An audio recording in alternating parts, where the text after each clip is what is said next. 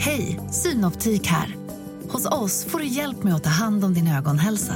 Med vår synundersökning kan vi upptäcka både synförändringar och tecken på vanliga ögonsjukdomar. Boka tid på synoptik.se.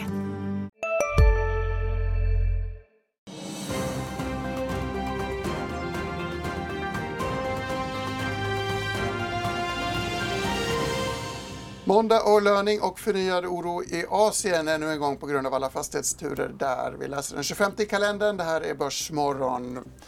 Varmt välkomna allihopa. Idag ska vi ta en titt på veckans aktie Yubico. Det blir en hel del makro och strategi och så ska vi snacka råvaror. Det ska vi göra tillsammans med Torbjörn Ivarsson lite längre fram i programmet. Vi har med oss Uffe Pettersson på länk och här i studion Mikael Sarve från Nordea. Varmt välkommen! Känd som lite av en pessimist eh, på senare tid åtminstone. Vad tror du om börsen just nu? Nej, men jag är ju negativ eh, måste jag ju erkänna. Eh, och, och man ser till sist, sen i slutet på juli har ju börsen gått ner. Då har det ju varit mycket en ränteoro som vi kommer tillbaka till här. Eh, att räntan har gått upp och, och förmodligen kommer vara högre under en längre period som det uttrycks. Sen tror jag nästa steg i det här kommer vara att det i något läge får mer konsekvenser för ekonomin. Vilket vi för sig redan har sett här i Sverige, vi har sett det i Kina, vi har sett det i Europa men vi har inte sett det i USA som på något sätt driver alltihopa. Men jag tror vi kommer dit och då tror jag att aktiemarknaden har en alldeles för låg riskpremie i sig för att klara av en, en recession även i USA. Som sagt, vi ska höra mer om det här, men Mary Daly, Fed-chef i San Francisco, verkar vara inne på samma linje. Hon sa i fredags att hon inte är redo att utropa seger i kampen mot inflationen och att centralbanken förstås är fast besluten att dämpa prisökningarna på något smidigt och försiktigt sätt. Ifrån bolagsfronten noterar vi att Duroc-aktien dels har svängt de senaste handelsdagarna och sjunkit kraftigt. Dessutom så kom ett lite ovanligt pressmeddelande ut nu på morgonen där bolagets ledning säger sig vara omedvetna om några verksamhetsspecifika anledningar till den här kursnedgången. Vi säger varmt välkommen till Ulf Pettersson också. Uffe, dels undrar jag om du har någon reflektion över Duroc, lite svårtytt kanske. Om inte kan vi gå in på SBB som kom med stora nyheter igår. Ja, då väljer jag nog SBB för den där Duroc har jag faktiskt inte lyckats se här på morgonen. Men SBB har jag koll på eftersom de kom, de kom redan i helgen här. Så den, och där är det ju då att SBB säljer eh, drygt en procent av aktierna i sitt gemensamt ägda bolag med Brookfield eh, och det gör att man kommer under 50 procent och därmed är det inget dotterbolag till SBB plus att man får tillbaka en del eh, lån som man har lånat ut till gemensamt ägda bolaget och löst frigör på så sätt en, en 8 miljarder kronor ungefär. Eh, och sen är det en, en omorganisation som presenteras också där man så att säga decentraliserar verksamheten och delar upp den mer i verksamhetsområden än vad man haft tidigare. Om jag tolkar det rätt Uffe, så i och med att man inte längre är majoritetsägare i Educo, den här portföljen eh, utbildningsfastigheter, då hoppas man att det blir Brookfield istället för SBB som är ovanliggande och så slipper man SBBs dåliga rykte när det gäller kreditbetyg eller möjlighet att gå till banken och annat. Det måste verka vara en viktig del i den här strategin eller den här manövern. Ja, det är ju den här 50-gränsen som är det viktiga här och normalt sett vill man ju gärna vara över 50-gränsen för att ha full tillgång till kassaflödena här, men här väljer man då istället att, att gå under och så att säga så ser man då Brookfield som en mer eh, solvent part i det här eh, på något sätt eh, och, och, så är det väl också. Och plus att man frigör då pengar framförallt. Det tror jag var väldigt viktigt att man fick loss de här miljarderna för att täcka kommande emissionsförfall och, och ja, helt enkelt få ner skuldsättningen och få loss och få loss. Min reflektion är att man vet ju aldrig riktigt med SBB. Det verkar som att den här få loss-effekten bygger på att Educo fixar eh, ett nytt bankavtal och frigör pengar innan de kan betala tillbaka och det där är inte riktigt klart än. Så fortsättning följer, vi får se hur aktien öppnar. Eh, Mikael, du är ju inte så bolagsspecifikt men har du några tankar om liksom den här typen av kreditfrigörningsmanövrar mer allmänt? Ja, jag, tror att, jag menar, netto måste det ändå vara positivt att det kommer ett likviditetstillskott. Eh, och, och tittar vi allmänt på fastighetssektorn, om vi ser den istället för de enskilda bolag, så hade ju jag och vi en väldigt tydlig undervikt i den under hela förra året då vi tyckte att värderingarna såg inte bra ut givet att vi hade en tro på stigande räntor. Eh, nu har ju värderingarna, tycker jag, mer allmänt för sektorn ser betydligt mer tilltalande ut. Kvarstår lite problem, absolut. Men det är väl snarare så att det, det, det liksom, vi är i slutfasen av den här större fastighetskorrigeringen än någonting annat. Och att det kanske kan vara dags att börja titta på sektorn lite mer som en mer lång position. Ja, det är jätteintressant. I den diskussionen så antar jag att det spelar stor roll. Vi pratar mycket om Matterhorn och Taffelberget, hur länge man ska ha höga räntor tänkte vi ska börja den diskussionen med en bild från Makroalf som vi följer på Twitter. Alfonso Pecatiello heter den egentligen. Twittrar ut svåra grafer ibland, precis som du gör Mikael. Eh, det här kallas för bear steepening. Vad är det? Det är när räntor går upp, men långa räntor går upp mer än korta räntor. Och det är väl ett tecken på då att, att, att marknaden har prisat in ett felaktigt, lite långsiktigare scenario Eh, i termer av vad centralbanker ska göra. Det har ju legat en inprisning länge om att okej, okay, räntan går upp nu men det kommer ganska snabbt svänga om till räntesänkningar. Och en bear steepening är när man börjar ta bort den, den tron och att istället man börjar tro på att nej, men långa räntor blir kvar lite högre under en längre tid. Eh, och precis det som Fed till exempel försöker kommunicera. Ja, försöker kommunicera och har gjort det länge utan att marknaden har lyssnat. Men, men, nu lyssnar vi. Borde inte det vara negativt för fastighetssektorn också? Tänker jag? Det, det är sant. Eh, eh, och det är klart att det är fortfarande räntecykeln kan vara problematisk ett litet tag till här. Det, det, det köper jag. Det är därför jag säger att vi förmodligen är i slutfasen på det. Och att vi kanske inte har gått klart fullständigt. Och speciellt kanske om man tittar ner i Europa som ligger lite ett snäpp efter vad vi gör här, här i Sverige. Och i USA ligger man ytterligare ett snäpp efter. Så är ju snarare risken att, att, att vi har globala tendenser som går åt det, åt det håll vi har sett, redan sett i Sverige.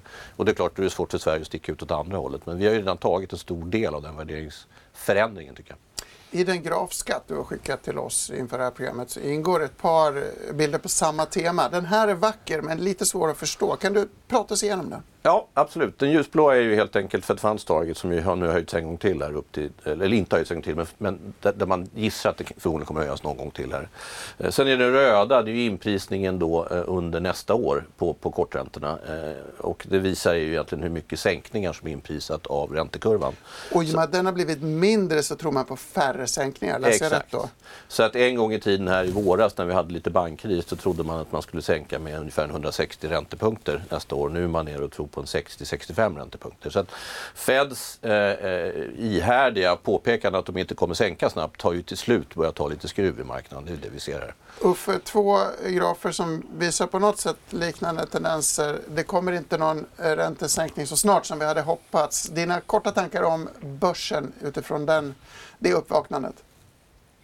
Vi började ju den här morgonen med att prata om avkastningskravet här och det är klart att vi har ju inte en, en värdering på börsen som motsvarar ett, ett avkastningskrav på en långsiktig ränta på, på 4-5 procent och så ska man lägga på lite aktieriskpremie på det. Då blir det ju inte så höga P tal på marknaden. Men eh, vi får väl se här. Det är ju, på något sätt så, så kommer det väl avgöras, alltså att börja, börja ekonomin krackelerar så får vi väl ner inflationen och då kommer väl långräntorna också sjunka tillbaka. Här. Men jag är lite inne på att, på att vi, vi var lite för godmodiga till den här ränteuppgången som vi fick. Vi fick ju ett riktigt börsrally i början av, av av året här eh, som, som var lite överdrivet. Och nu skulle jag säga att nu är det väl marknaden mer, mer neutral, men det är ju inte, det är inte över än. Jag tror att centralbankerna känner ju att de måste så att säga återhämta lite förtroende då efter de, de höll ju räntorna alldeles för låga alldeles för länge. Man, redan 2021 så, så tog ju inflationen fart och vi hade en BNP-tillväxt i världen på 6 procent. Man borde ju ha bromsat där, men det gjorde man inte. Man höll ju på alldeles för länge och framförallt med de här när man så att säga förstorade balansräkningarna också. Det blir en väldig skjuts, speciellt i Sverige då när vi är så räntekänsliga som vi är. Så, så jag tror att man vill så att säga åter, återuppväcka förtroendet eller återfå förtroendet genom att hålla i de räntorna, alltså på en högre nivå så länge man kan och sen så kommer det väl en gång då man inte kan längre för att man så att säga trycker ner ekonomin för mycket. Vill du flika in något där? Jag antar att du tycker ungefär lika? Jag tycker det är ungefär lika och det är klart att eh, om man ser till makroläget idag, om vi struntar i vad som kanske kommer att hända nästa år, så är ju makroläget att inflationen är fortfarande för hög. Mm. Eh, och, och eh, i alla fall i USA ser ekonomin fortfarande för stark ut. Så lägger man ihop det och bygger en makromodell på räntor så är det ju fortfarande så att magneten för räntemarknaden, om ingenting händer och, och konjunkturen blir väsentligt sämre, ja då är ju magneten fortfarande uppåt. Är det magneten vi ser i rött här? det är lite magneten vi ser i rött. Och det här är ju en, en makromodell som bygger på en del business service i USA, på arbetsmarknadsläget som fortfarande är tajt. Kärninflationen som är för hög och vad Fed gör själva. Då. Så att egentligen borde vi redan nu ha haft högre långräntor än vad vi har och det kan man ju fundera kring varför. En del är väl det att man nu sen finanskrisen har kört med så pass låga räntor så länge att man tror hela tiden att det ska vara någon mean reversion tillbaka till någonting sånt. Eh, och det är inte alls givet att det blir på det sättet. Här låter det alltså som att vi har lite mer uppsida. Vi bläddrar vidare till nästa graf så får vi fortsätta. Vad ser vi här? Här ser vi tioåringen istället för femåringen. Ja, det här har ju varit ett starkt skäl till att vi trodde innan sommaren att vi skulle få en, en ränteuppgång över sommaren och in i hösten. Det är ju det, den mörkblå här, den kanske lite knepig, men det är tre månadersförändringen i statsskulden i USA minus det Fed gör i sin obligationsportfölj. Så det är ett nettofinansieringsbehov kan man säga, så är det månaders förändring på det då. Och det man kan se här då, det vi hade i våras var ju det, eh, och det kanske ni kommer ihåg, den här skuldtaksdiskussionen där då inte USA fick låna upp mer pengar tack vare att man slagit i sitt skuldtak. Sen löstes ju den och helt plötsligt då så är det klart, då måste man börja finansiera sitt budgetunderskott, man måste bygga upp lite buffertar igen.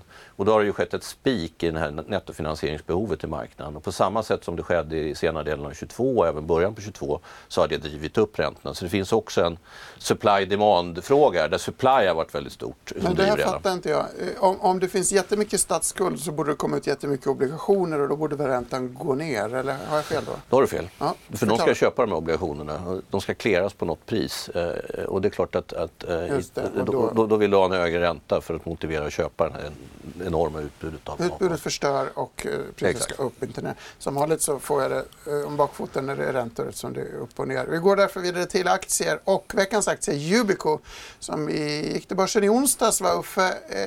Du skriver att tillväxten i det här bolaget verkar ha mattats av lite grann. Å andra sidan gillar du bruttomarginalerna.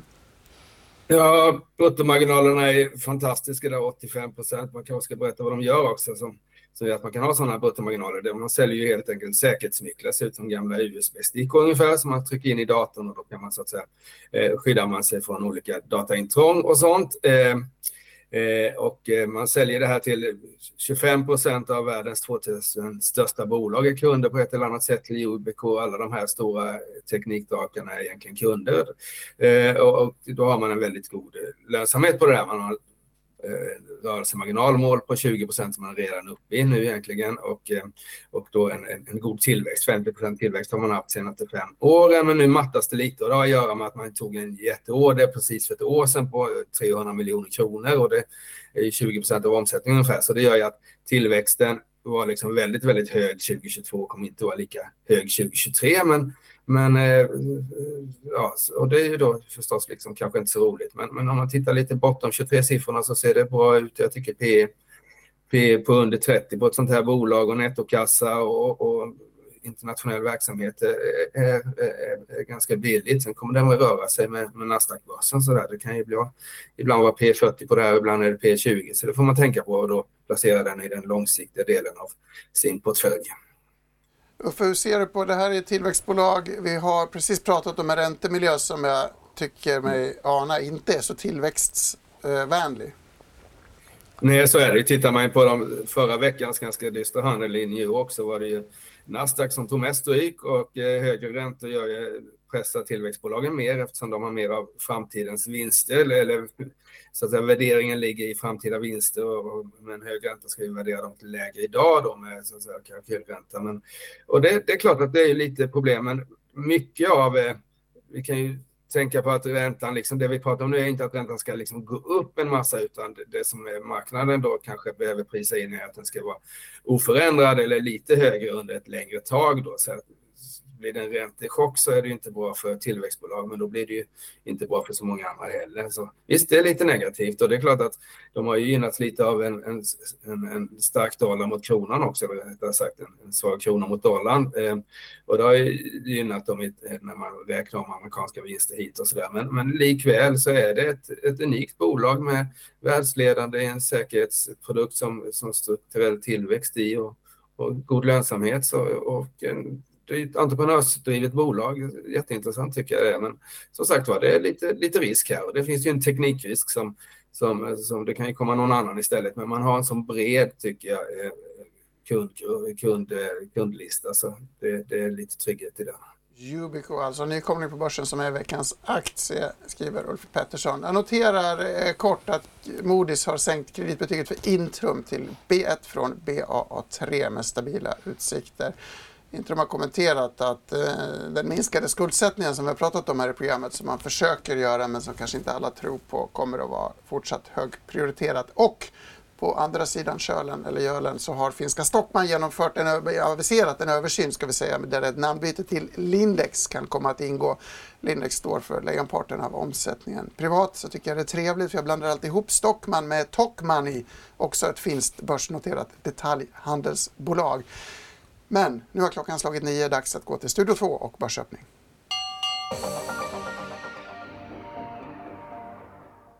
Ja, Stockholmsbörsen inleder veckan i moll och backar precis vid börsöppning. Om vi tittar på storbolagsindex så ser vi att SBB stiger. De är upp rejält precis vid börsöppning, stiger 33 procent.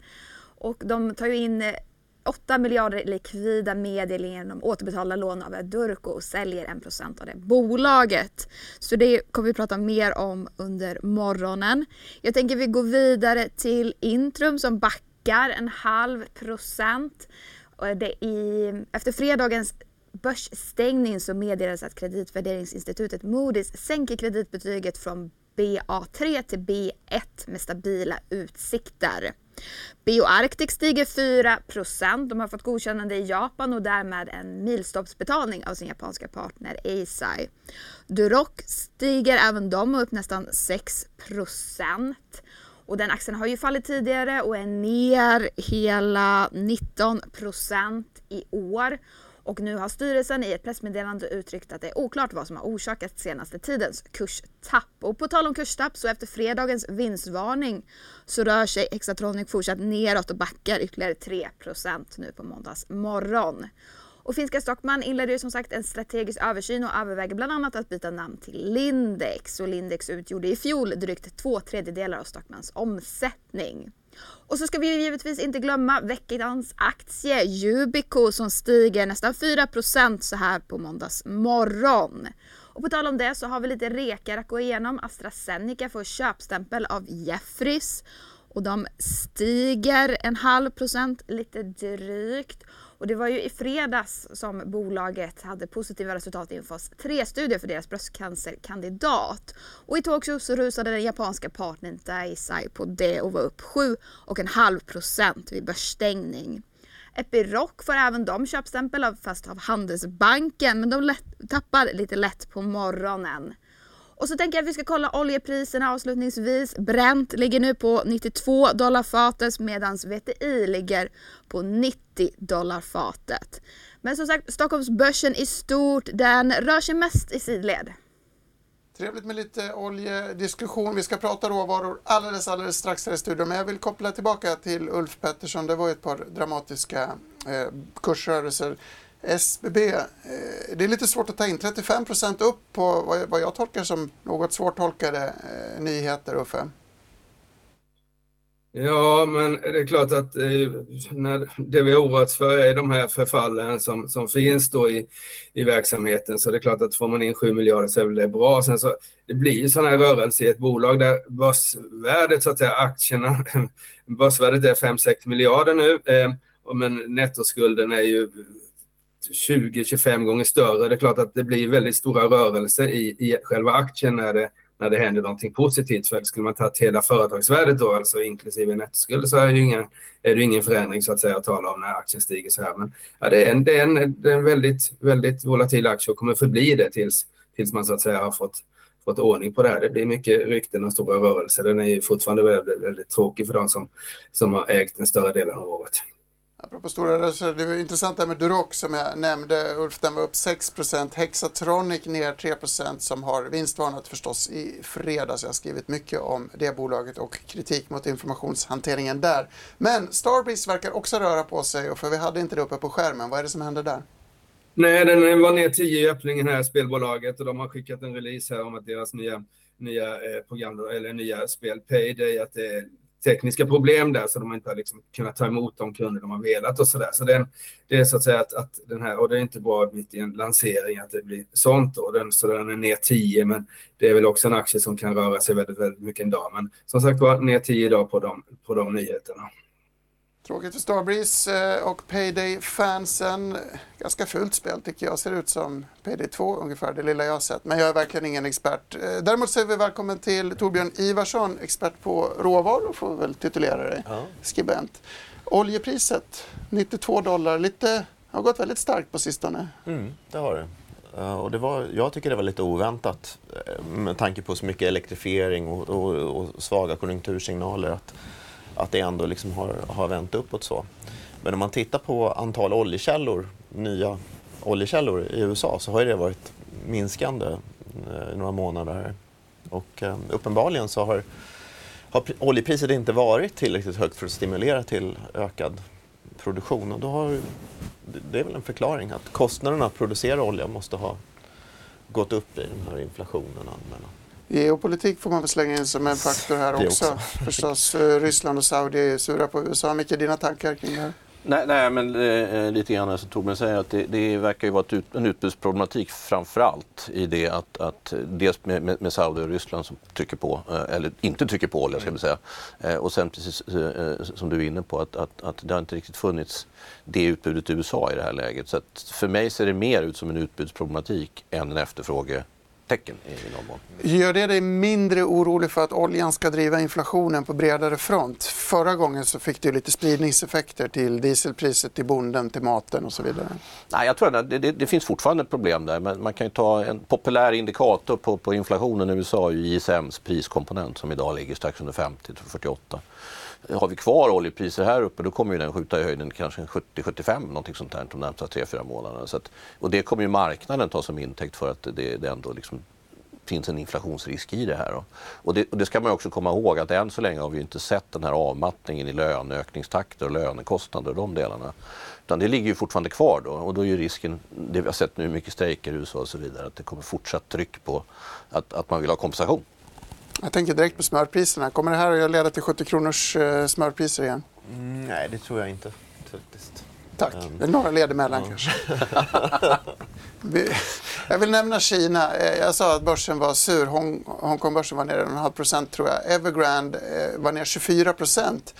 Det här är ju en fastighetsutvecklare vi pratar om om och om igen. Nu har de ställt in möten med långivare som varit planerade till början av den här veckan. Eh, Evergrande uppger enligt Bloomberg att man ska utvärdera rekonstruktionsförslaget som ligger. Eh, man verkar inte vara riktigt nöjd. Det verkar också finnas signaler, penningpolitiska signaler om begränsade möjligheter för lättnader, alltså penningpolitiska lättnader. Istället ska man försöka få igång tillväxten genom strukturella reformer, säger en PBOC-ledamot. Jag har lite svårt att närma mig Kina, även om du har någon reflektion. Det här är en neverending story som bubblar, som känns abstrakt men stor. Ja, och, och väldigt svår utifrån att förstå till 100 procent och ha tillräckligt med data för att kunna göra något vettigt av. Det, det håller jag med om. Vi har ju hela tiden varit tveksamma till den här reopening storyn som drog igång eh, andra halvan i fjol då och nu har ju den kommit lite eh, av igen då. Och det man kan se är ju att, att, att just de inhemska delarna ser väldigt svaga ut. Eh, väldigt tydligt så att consumer confidence är väldigt lågt tillbaka till egentligen nivåer vi såg innan, eh, innan återöppningen. Eh, och, och, vi kan konstatera att vi inte är igenom den här fastighetsproblematiken. Eh, tittar man till, till vad, vad, vad, centralbanken gör, alltså BBOC, så, så har ju de periodvis då i alla fall tryckt in massa likviditet för att hålla uppe marknaden. Och det gjorde man här, eh, framförallt i slutet på förra året, vilket förmodligen var liksom ett skäl till att kinesiska börsen höll sig väldigt väl då. Sen slutade man göra det i början på året och nu har man, ser det inte ut som man i alla fall trycker på stora kanonen här just nu. Så det talar för, det ser vi lite över, över helgen här också, att det, det, det är fortsatt, fortsatt motvind i Kina. När, är, när, vi pratar om Kina så känns kopparpriset som en naturlig fortsättning i din värld. Några tankar där? Mm. Eh, kopparpriset har ju liksom hängt med, eh, rört sig uppåt tillsammans med aktiemarknad det senaste året och olja det senaste året. Um, det ser väl lite, kanske lite kroknigare ut nu då. Men eh, och framförallt om man bygger hus då så sa man ju liksom som under den råvaruboomen på 00-talet att det går 200 kilo koppar uh, per nytt hus. Och om den här, man inte bygger så många nya hus längre eller bostäder i, i Kina så ja, då borde ju den eh, efterfrågan avta. Men så vi ska blanka kopparterminen? Är det... Ja, det, jag tror att den kommer kanske om det kommer en vända till här med lite mer eh, riktig lågkonjunktur så mm. att det liksom tar fart så, som det här tyder på då, liksom att det är inte riktigt, det är som en volym som man vrider lite upp och ner så här, i den där krisen i Kina. Så då kanske det dyker, ja. Men det finns en annan, man kan, alltså Brasilien säljer ju väldigt mycket nötkött till Kina. Och priset på nötkött på börsen i, i São Paulo det har, det har dalat under ganska lång tid. Och då kan man jämföra det med live cattle som handlas i USA som bara går, går uppåt, uppåt, uppåt. Mm. Medan det här priset i Brasilien har gått neråt i ett par år. För att man har olika mottagarmarknader alltså? Ja, tror jag att det är så. Intressant. Starka amerikanska konsumenter, svaga kinesiska. Svaga kinesiska. Vill du flika in här? Brukar du ha med Dr. Koppar i dina grafer? Det har jag ibland, speciellt när den, går, eh, när den divergerar mot andra trender i marknader. Och, och, och man har ju sett eh, det, det, det var ju ett starkt bild efter koppar tidigare. Nu har det lugnat ner sig precis som Torbjörn är inne på lite grann. Så det är väl en, en varningssignal om att vi kanske inte riktigt ser så fantastiskt ut konjunkturellt än som börsen ibland ser ut att hoppas. Vill du kommentera köttpriserna också? Nej, det hoppar jag vi, men vi kan gå vidare till, kan jag få kamera 1 så kan jag visa upp den här. Räk, eh, räkmackeraseriet. Ovanligt starkt rubrikord. Johan Javeus, vår vän på SCB, twittrade en legendarisk tweet om den otroligt dyra räksmörgåsen han upplevde på en av flygplatserna i vårt avlånga land. Detta har eh, rört upp mycket känslor, det har delats väldigt flitigt och efter DIs ingripande så lovar, jag vet inte om vi kan ta åt oss äran, men jag gör det ändå. Vi lovar statliga Swedavia ett pristak på sina flygplatser. Priskontroller på räkmackor på statens flygplatser alltså. Ja, planekonomi helt enkelt. Flygplansekonomi. Ja, jag vet inte om vi ska kommentera det vidare, men vi är glada över att sådana här nyheter finns. Ehm, lite bredare om råvaror då, Torbjörn. Vi har en bild med prickar som visar på någonting som du kallar för krisalfa. Kan Ja. du berätta vad det är för något? Ehm, eh, krisalfa. Nej, men det, man brukar ta, de, när man pratar om trendföljande strategier. Eh, och det, för några år sedan så kom en Hej, Ulf Kristersson här. På många sätt är det en mörk tid vi lever i. Men nu tar vi ett stort steg för att göra Sverige till en tryggare och säkrare plats. Sverige är nu medlem i Nato. En för alla, alla för en. Har du också valt att bli egen? Då är det viktigt att skaffa en bra företagsförsäkring. Hos oss är alla småföretag stora och inga frågor för små. Swedeas företagsförsäkring är anpassad för mindre företag och täcker även sånt som din hemförsäkring inte täcker. Gå in på swedea.se företag och jämför själv. bok av Catherine Kaminski och någon författare till som jag har glömt. Men den handlade om trendföljande strategi. jag tror den heter Trend Following och Crisis Alpha. Att de här trendföljande strategierna lyckas liksom kliva ur en, en, en stigande aktiemarknad liksom när det börjar krokna lite grann i början och sen så ligger de korta och tjänar då pengar på den här krisen. Eh, och det här Lätt sagt, svårt gjort kanske. Men, Ja, men, men de, historiskt har de lyckats med det där tydligen. Mm. Och, Eh, så de har då krisalfa, vi kan säga på svenska. Så skrev jag en artikel i Placeringsguiden eh, där jag är krönikör sedan 16 år tillbaka faktiskt, eh, om råvaror. Och i det senaste numret här och om krisalfa som hela tillgångsklassen råvaror har. Ehm, och jag, då tog jag data som fanns på Riksbankens hemsida med totalavkastning för svenska aktier sedan, sedan 1901. Och då 32 kalenderår av de där 120 åren någonting så har eh, svenska aktier haft negativ avkastning. Så kollade jag på hur har råvaror gått de här 32 åren alltså. 32 åren. Och då var det, så, givet de här 32 åren på börsen var minus 14 procent. För råvaror samma 32 år plus 5 procent i snitt. Och sen på den här grafen så har jag markerat några årtal som liksom kan ha Så en åsikt om En enkel slutsats är alltså under ett dåligt börsår så har råvaror potentialen att stå, stå, Stå still ja. eller gå upp.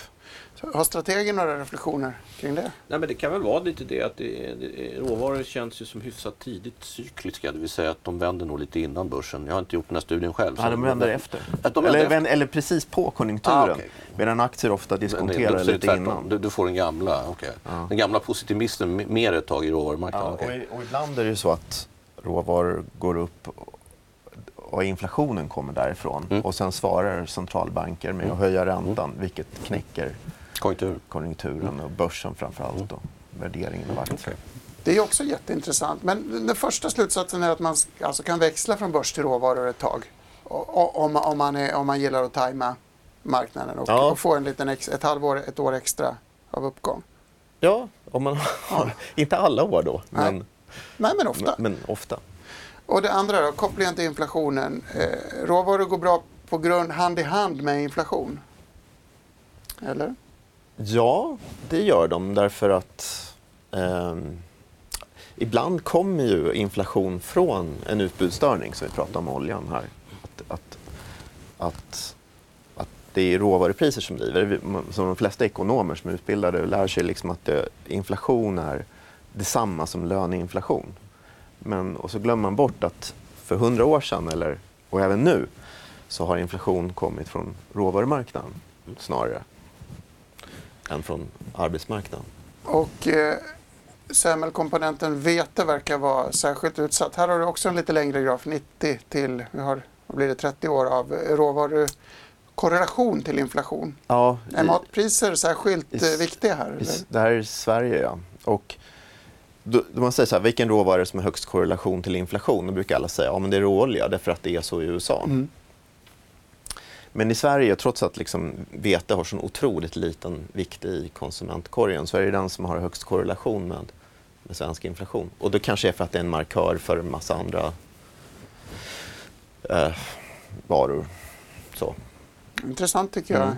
Mm. Eh, och eh, jag blir glad i hela kroppen när vi pratar om både vete och köttpriser på det här sättet. Om vi backar lite och pratar eh, om inflation mer allmänt. Var tror ni på Nordea att vi ändå kan hoppas på en liten fortsatt dämpning i inflationstrycket eller vad har ni för syn övergripande? Nej, men, eh, övergripande om man tar våra ekonomers eh, eh, prognoser är det ju att inflationen kommer lugna ner sig. Eh, så ser det ut.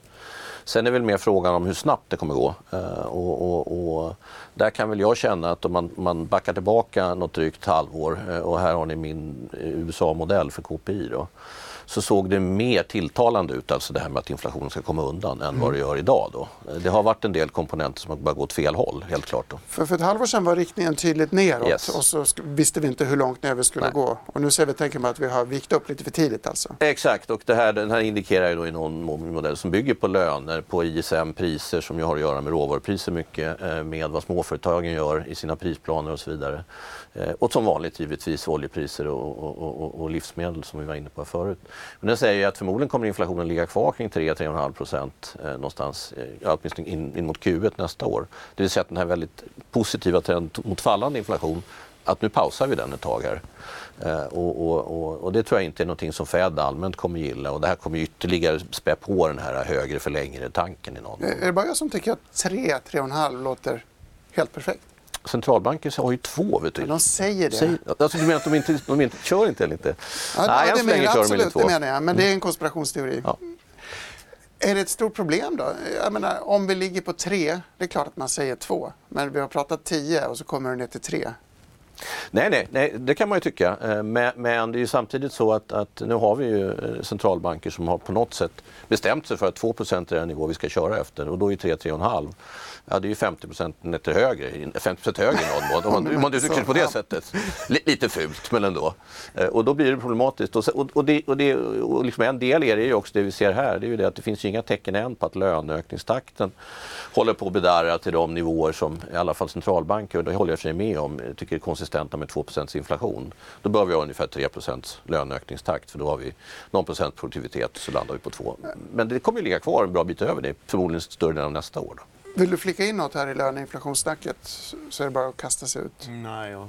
Men då har jag en, för då har jag en reflektion. Vi, nu verkar den här Hollywoodstrejken kanske få en lösning i USA om jag läser rätt i nyhetsflödet. Men motor och bilstrejken har inte än. Nej. Rätt saftiga anspråk om man tittar på bilindustrin. Mm. Så det verkar, den faran verkar långt ifrån vara över i alla fall i min enkla analys. Ja, jag håller med och är det någonting centralbanker har upprepat hela tiden under den här höjningscykeln har ju varit att man inte ska göra om samma misstag som man gjorde på 70-talet och höja eller sänka för tidigt eh, när någon form av inflation börjar komma ner men där man fortfarande ser att det finns ett lönetryck i ekonomin, vilket var hur man gjorde på, på, på 70-talet. Och då stack ju inflationen iväg igen. Då.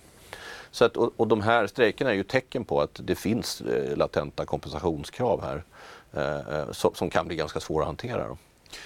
Vad händer, ja, här har vi amerikansk KPI och Philly Fed-priser. Är, är det en bra ledande indikator på ja, vart KPI det här är ju en bra indikator på vad som pågår framförallt på olje och, och, och, och råvarumarknaden. Eh, och det var det jag var inne på. Många av den här typen av indikatorer ur, ur olika företagsservice har ju börjat vända uppåt igen nu. Ganska brett. Och det är klart, det vill ju inte Fed eller någon annan centralbank se heller. Då. Så, så att, eh, återigen, den här väldigt snälla trenden som vi har haft, i alla fall vad gäller riktningen, eh, sista eh, sex månaderna, den ligger nog bakom oss nu. Utan nu kommer vi nog jobba oss mer sidledes. Vissa delar kan till och med börja stiga lite igen. Så inte bara oljepriset vi ska oroa oss för, andra komponenter och för löneutvecklingen. Nu, nu blir ju en, en fråga vi ska spara till senare, det är ju det faktum att svenskar är så snälla och nöjer sig med vanliga måttliga löneökningar Ja. medan amerikaner och tyskar också gör helt tvärtom. Men den spar vi.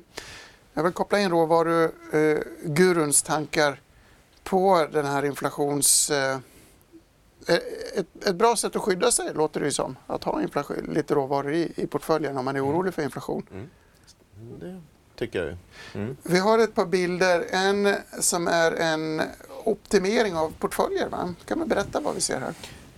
Ehm, Optimala ja, portföljer. ja, det är all- allokering på y-axeln här, så 0 till 100 procent. Och så är det mått av riskaversion och på x-axeln. Så 0, noll betyder då att man bryr sig inte om risk helt enkelt. Man vill bara ha så hög avkastning som möjligt. Då har man bara aktier och inga Ja, obligationer. Precis. Och det här är baserat på ja, svenska, från Riksbankens hemsida. Ja.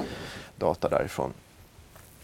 Eh, Desto mindre risk man orkar med, desto mer ja, Precis, men man kan se här då, liksom, det här är bara min variansvärden. Så Ja. det är avkastning och sen så är det portföljvarians. Så. Och sen de här siffrorna på x-axeln hur mycket man viktar portföljvariansen och vilken, hur mycket man av, avskyr portföljvarians eller risk. Man kan se att om man blir väldigt riskavärt, vi är uppe på 5 där, så har du ändå inte 100% obligationer givet svensk, den svenska his, historien sedan 1901. Därför att obligationer är inte riskfria, för de är ju utsatta för eh, som inflationsrisk. Så. Nej, de kan väl gå ner i pris också? Ja, de kan gå ner i pris för att räntan stiger Mm. och räntan stiger om det är inflation till exempel, som det var under 70-talet. Så då ska man ha lite aktier för att de skyddar lite grann. Om det blir en tillväxtboom till exempel, då går aktier bra, räntor brukar gå upp. Man, måste, man kommer inte undan det i TVs Börsmorgon. Alltså. Vill du flika in något här, du som gillar... Eh, Nej, men det är väl rimligt. Och, men, men det är väl det man tar utvecklingen i år då som exempel så har vi ju sett det att räntemarknaden har ju i någon mån tagit höjd för inflation under en lite längre period. Eh, och det kan man väl tycka att inte aktiemarknaden har gjort om man ser till vad värderingsmultiplar och annat är någonstans. Vilket har lett till att just nu är ju någon form av aktieriskpremie, alltså det man får i extraavkastning eller förväntad extraavkastning på börsen väldigt låg mot hur det ser ut historiskt. Då då. Så att just nu har det ju varit så att, man, man, eh, att det man verkligen inte ska äga är långa bonds eh, i den här inflationsmiljön medan aktier har struntat i det helt. Förra året var det ju mer en, en, en, en koppling mellan de två. När räntan gick upp så sjönk aktiemarknaden för att man var tvungen att ställa om avkastningskrav och liknande och, och därigenom eh, diskontera framtida vinster till en annan eh, högre ränta. Det har man inte gjort i år. Så att riskpremien på aktiemarknaden ser ju väldigt låg ut och har man ett recessionsscenario som jag har då ser den ju extremt låg ut. Så just idag kan jag ha korta bonds, det funkar, och så kan jag korta långa bonds eftersom de är på väg uppåt. Det är lite så det har varit, så jag tror att det kommer vara så ett tag till. Och, och tar man den kopplingen där, om om du räknar ut en earnings yield för S&P så ligger den ju idag lägre än vad, vad du får på en, på en, en, en, en, statsskuldsväxel, en tremånaderspapper i USA, som ligger kring 5,50. Eh, sist det gjorde det var precis innan IT-bubblan smällde. Så, så du, du, även där är ju ett tecken på att du får, du får egentligen väldigt dåligt betalt att ta aktierisk i förhållande till att bara ligga riskfritt. Sen beror det på vad du har för konjunkturscenario, absolut. Väldigt svårt fonetiskt tycker jag att man ska långa korta bonds och korta långa bonds. Om vi slänger in olika eh, råvaror i den här mixen och vi har en till bild där de kryper in i grottor. där. Precis. Om man då skulle lägga till möjligheten att investera i råvaror, eller man hade haft det sedan 1900-talets början i Sverige, så skulle man ha haft Normalt sett om man då har normala portföljer någonstans mellan 1 och 2 här i risk. Alltså någonstans eh, liksom, eh, 30 till 70 procent aktier och resten obligationer. Om man då lägger till råvaror så skulle de ha kommit in och tagit kanske 20 procent av den portföljen. Men den allra mest riskinriktade ska ändå ligga i bara aktier. Mens, ja. För att om man inte bryr sig om risk så har ju aktier haft bättre avkastning. bättre avkastning. Och, och råvaror ligger någonstans liksom mellan obligationer och aktier i avkastning. Intressant. Det kanske är så att vi pratar om råvaror bara när de drar väldigt mycket och man får känslan av att det är otroliga rallyn. Men det är väl otroliga rallyn åt båda hållen. Eh, apropå det så ska vi gå till Studio 2 för en börsuppdatering. Sen ska vi ta tempen på Sverige och den svenska ekonomin och kanske dricka ett glas apelsinjuice. Men varsågod Sofie, golvet är ditt. Ja, det är en avvaktande handel på Stockholmsbörsen så här på måndags morgon. Om vi tittar på storbolagsindex så hittar vi desto större rörelse.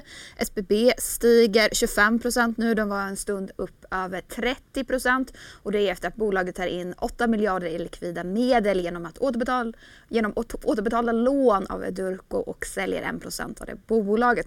Om vi fortsätter på storbolagsindex så ser vi att även SEB och AstraZeneca stiger omkring 1 och AstraZeneca stiger efter att de har fått köpstämpel av Jeffries. I botten av storbolagsindex däremot så hittar vi Sinch och Boliden som backar omkring 1 och stor rörelse ser vi hos Starbreeze som är ner nästan tvåsiffrigt. De hade ju lite tekniska problem med Payday 3 nu under helgen som släpptes i förra veckan. Och Intrum de backar 1,5 procent. Och det var ju efter börsstängningen i fredag som det meddelas att kreditvärderingsinstitutet Moody's sänker kreditbetyget från BA3 till B1 med stabila utsikter. BioArctic däremot, de stiger lite drygt 3 efter att de har fått godkännande i Japan och därmed en milstolpsbetalning från sin japanska partner. Durox stiger även de lite drygt 3 och aktien har ju fallit tidigare och är ner en hel del, 20% i år. Men nu har styrelsen i ett pressmeddelande uttryckt att det är oklart vad som har orsakat senaste tidens kurstapp. Och så får vi givetvis inte glömma veckans aktie Yubico som idag stiger nästan 4% och så tänker jag att vi avslutar i Finland för finska Stockman inleder en strategisk översyn och överväger bland annat att byta namn till Lindex. Och den aktien är upp tvåsiffrigt i Helsingfors och stiger 11% lite drygt. Men här i Stockholm som sagt så är det en avvaktande måndagsmorgon. Jag hade väntat mig värre. Noll är jag nöjd med. Apropå råvaror då. Boliden är ner. Boliden är ett, ett, enkelt sätt att investera i råvaror. Fast det är inte så enkelt för det är alltid någon, något stopp eller någon eh, maskin som har gått sönder. Du får väldigt mycket hinder i din råvaruexponering om du går via börsen. Dina tankar? Ja, men om man tittar på råvarubolag, deras aktier, så är de mycket, de är mycket högre korrelation till själva aktieindex. Så det kan ju vara att de ingår till exempel i en eh, ingår i ett index så ska någon köpa index eller en fond som köper ja, indexfonder helt enkelt. Så att de har mycket högre korrelation med hela aktiemarknaden. Dessutom så är det ju, de producerar ju en vinst och den vinsten ska du diskontera. Så de är också diskonterade, råvarupriser är ju liksom utbud och efterfrågan på råvaran på råvarumarknaden. Det finns ingen, ingen, ingen diskontering där av några kassaflöden så de har inte någon direkt räntekänslighet som råvarubolag värderingen av råvarubolag har. Så det är, det är olika saker.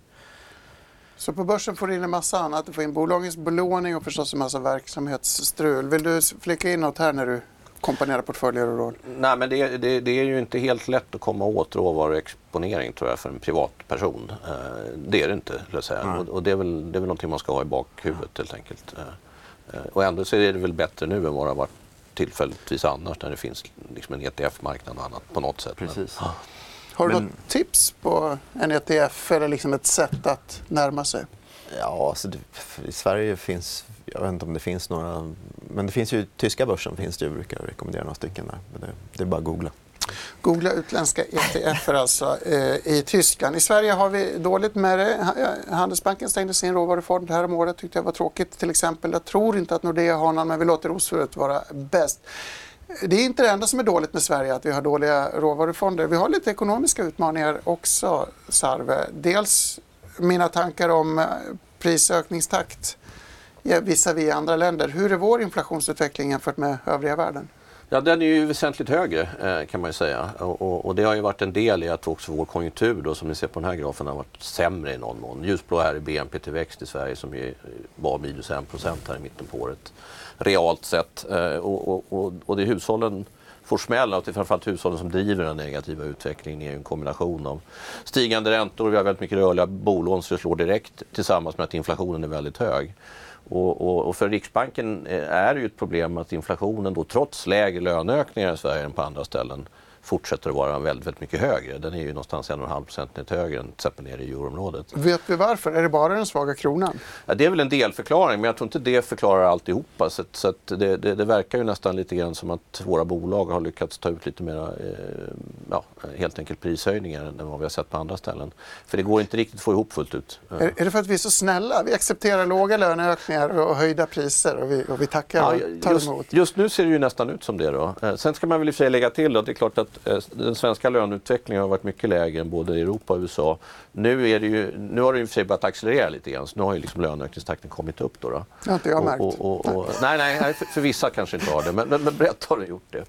Men, men, men, men, men, problemet blir för Riksbanken att de har ju hanterat inflation i ena änden eh, och liksom en risk för en kronförsvagning om de är för mjuka. Och andra änden så har de att ekonomin ser sämre ut här än på andra ställen. Och här är ju till exempel arbetslösheten då, som hoppade upp ganska rejält förra eh, veckan.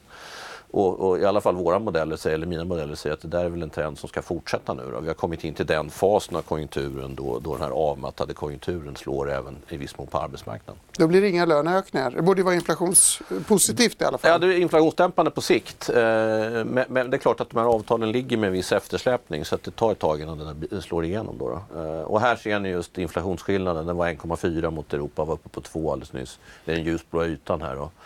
Så ljusblåa staplar gör att Sverige relativt till Europa har högre inflation. Exakt, Alltså. precis. Och det, ser, och det har ju sett likadant ut även om du jämför mot USA. Då. Och det är klart att då, då, om man ska prata kronor och vad som har hänt på kronmarknaden så då vill du ju ha en centralbank som är relativt sett aggressiv eh, för att mota den här inflationen. Och Riksbanken har ju höjt räntor, absolut, och de har ett väldigt aggressivt eh, sånt här QT-program där de reducerar sin, sina, sina innehav av, av, av obligationer. Men räntehöjningarna har ändå inte varit tillräckliga för, för, för, att, liksom motivera, eller för, för motarbeta det här. Vi har ju kommit ikapp nästan Norge och ECB i alla fall, men det är inte tillräckligt och vi borde göra mer eller ha gjort mer tidigare. Ja, vi, vi, ja, vi borde väl göra mer om det är så att man vill komma åt, eh, vilket Riksbanken i viss mån vill göra, det här kronproblemet. Då, då. Det här är ju min gamla kronmodell. Man kan ju säga om kronan, Riksbanken har ju uttalat sig att det, det är lite svårt att förstå varför kronan är så svag. Det kan jag ju köpa ett, ut någon form av strukturellt perspektiv. Eh, men så vet man ju det att hitta en strukturell jämviktskurs på en valuta är ju helt omöjligt mer eller mindre. Utan det landar ju i någon form av cykliska variabler och det finns tre saker som driver kronan.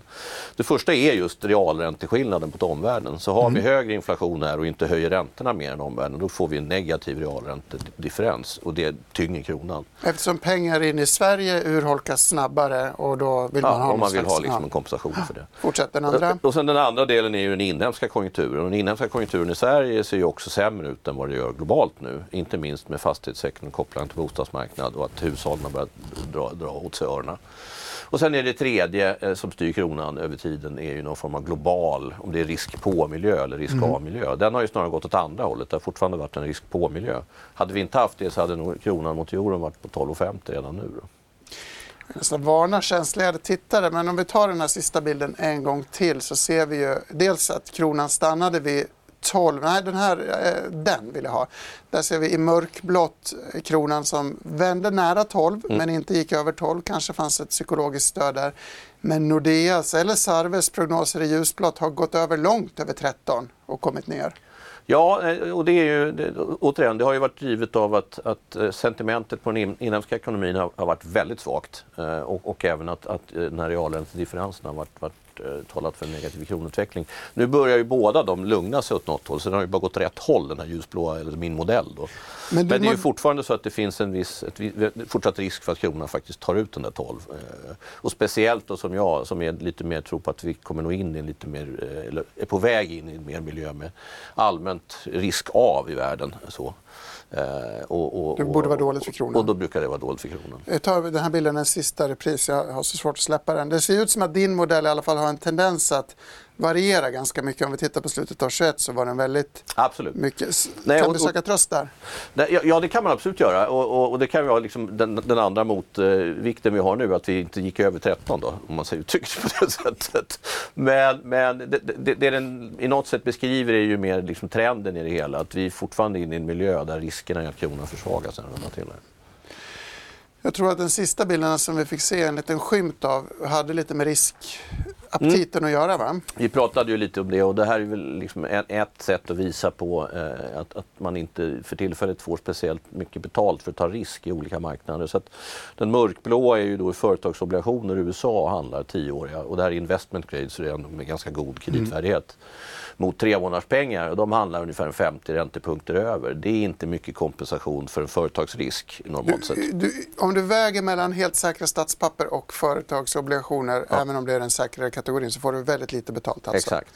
Och sen så är den röda är ju då man räknar ut en earnings på, på S&P, alltså på börsen och jämför det med den här företagsobligationsräntan. Och då får du nästan 100 punkter lägre eh, earnings yield än vad du får på en corporate bondmarknad. Och normalt sett, om man går tillbaka i tiden som ni ser där, så har investerare krävt en 150 till 250 punkters meravkastning för att gå in i börsen. Mm. Så, så, så, att eh, hur man än vrider vänder på det så är det ju, eh, är det ju eh, låga riskpremier, väldigt låga riskpremier i aktiemarknaden. Eh, även för ett normalläge. Skulle det dessutom då bli en, en, en lågkonjunktur då blir det ju ännu värre. Så, och jag kan översätta riskpremie med incitament helt enkelt. Låga incitament att köpa aktier, att äga aktier. Yep. Och dessutom en lågkonjunktur i antågande. Nu ska Torbjörn få avsluta med det enda som verkligen glimmar, det enda som ger oss verklig avkastning, nämligen apelsinjuicen, eller hur? Apelsinjuice, ja. Mm. Mycket eller en väldigt liten... Uh, Ser gott ut i alla fall. Väldigt, väldigt, väldigt liten uh, råvarumarknad. Odlas i Brasilien där du bor och i Florida va? Ja, och, och Kalifornien och lite sådär, olika ställen. Men uh, Brasilien är världens största exportör av apelsin, apelsiner och apelsinjuice. Och varför har priset gått upp? Hur mycket har priset gått upp? Ja, på två år så är det väl över 300 procent någonting. Och då frågar man sig vad är orsaken till det då? Jo, men det finns en liten bakterie som sprids av två olika insekter. Uh, och uh, den där bakterien den, den, gör, den kallas för greening, eller citrus greening. Uh, och det gör att apelsinerna blir, de blir gröna och de blir, smakar dåligt. Trädet dör. Och, och I Brasilien finns ungefär 220 miljoner apelsinträd. Och nästan 80 miljoner av dem har ja, dött kan man säga av den här sjukdomen. Klassisk utbudschock alltså? Mm. Ja. Och kanske i kombination med Precis. Och det, finns, det här finns i Kalifornien och sjukdomen upptäcktes i Kina på 40-talet. Så. Men den har ju liksom, där den spreds i USA och Brasilien de senaste åren, så den har funnits ett tag. Men, men slagit till riktigt de senaste åren så har det fått den här effekten på priset. Om vi tyckte att det var svårt att investera i råvaror i allmänhet så antar jag att apelsinjuice är verklig överkurs. Det var en liten råvara sa du? Ja, det är en liten råvara men den har funnits länge. Frozen Concentrated Orange Juice.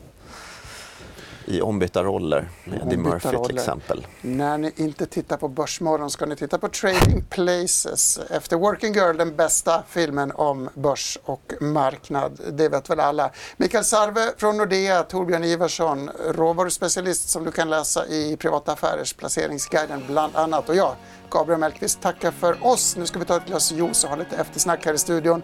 Lycka till där ute denna måndag. Ha det bra!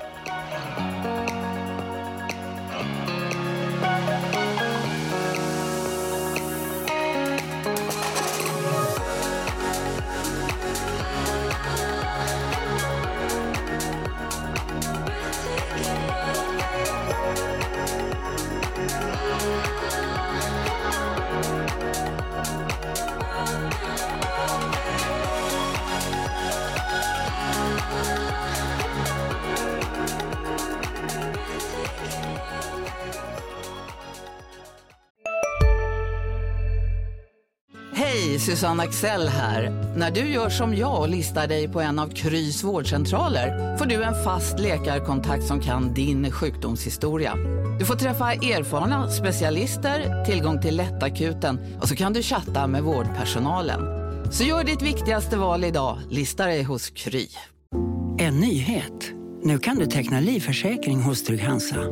Den ger dina nära ersättning som kan användas på det sätt som hjälper bäst. En försäkring för dig och till de som älskar dig. Läs mer och teckna på trygghansa.se. Trygg Hansa.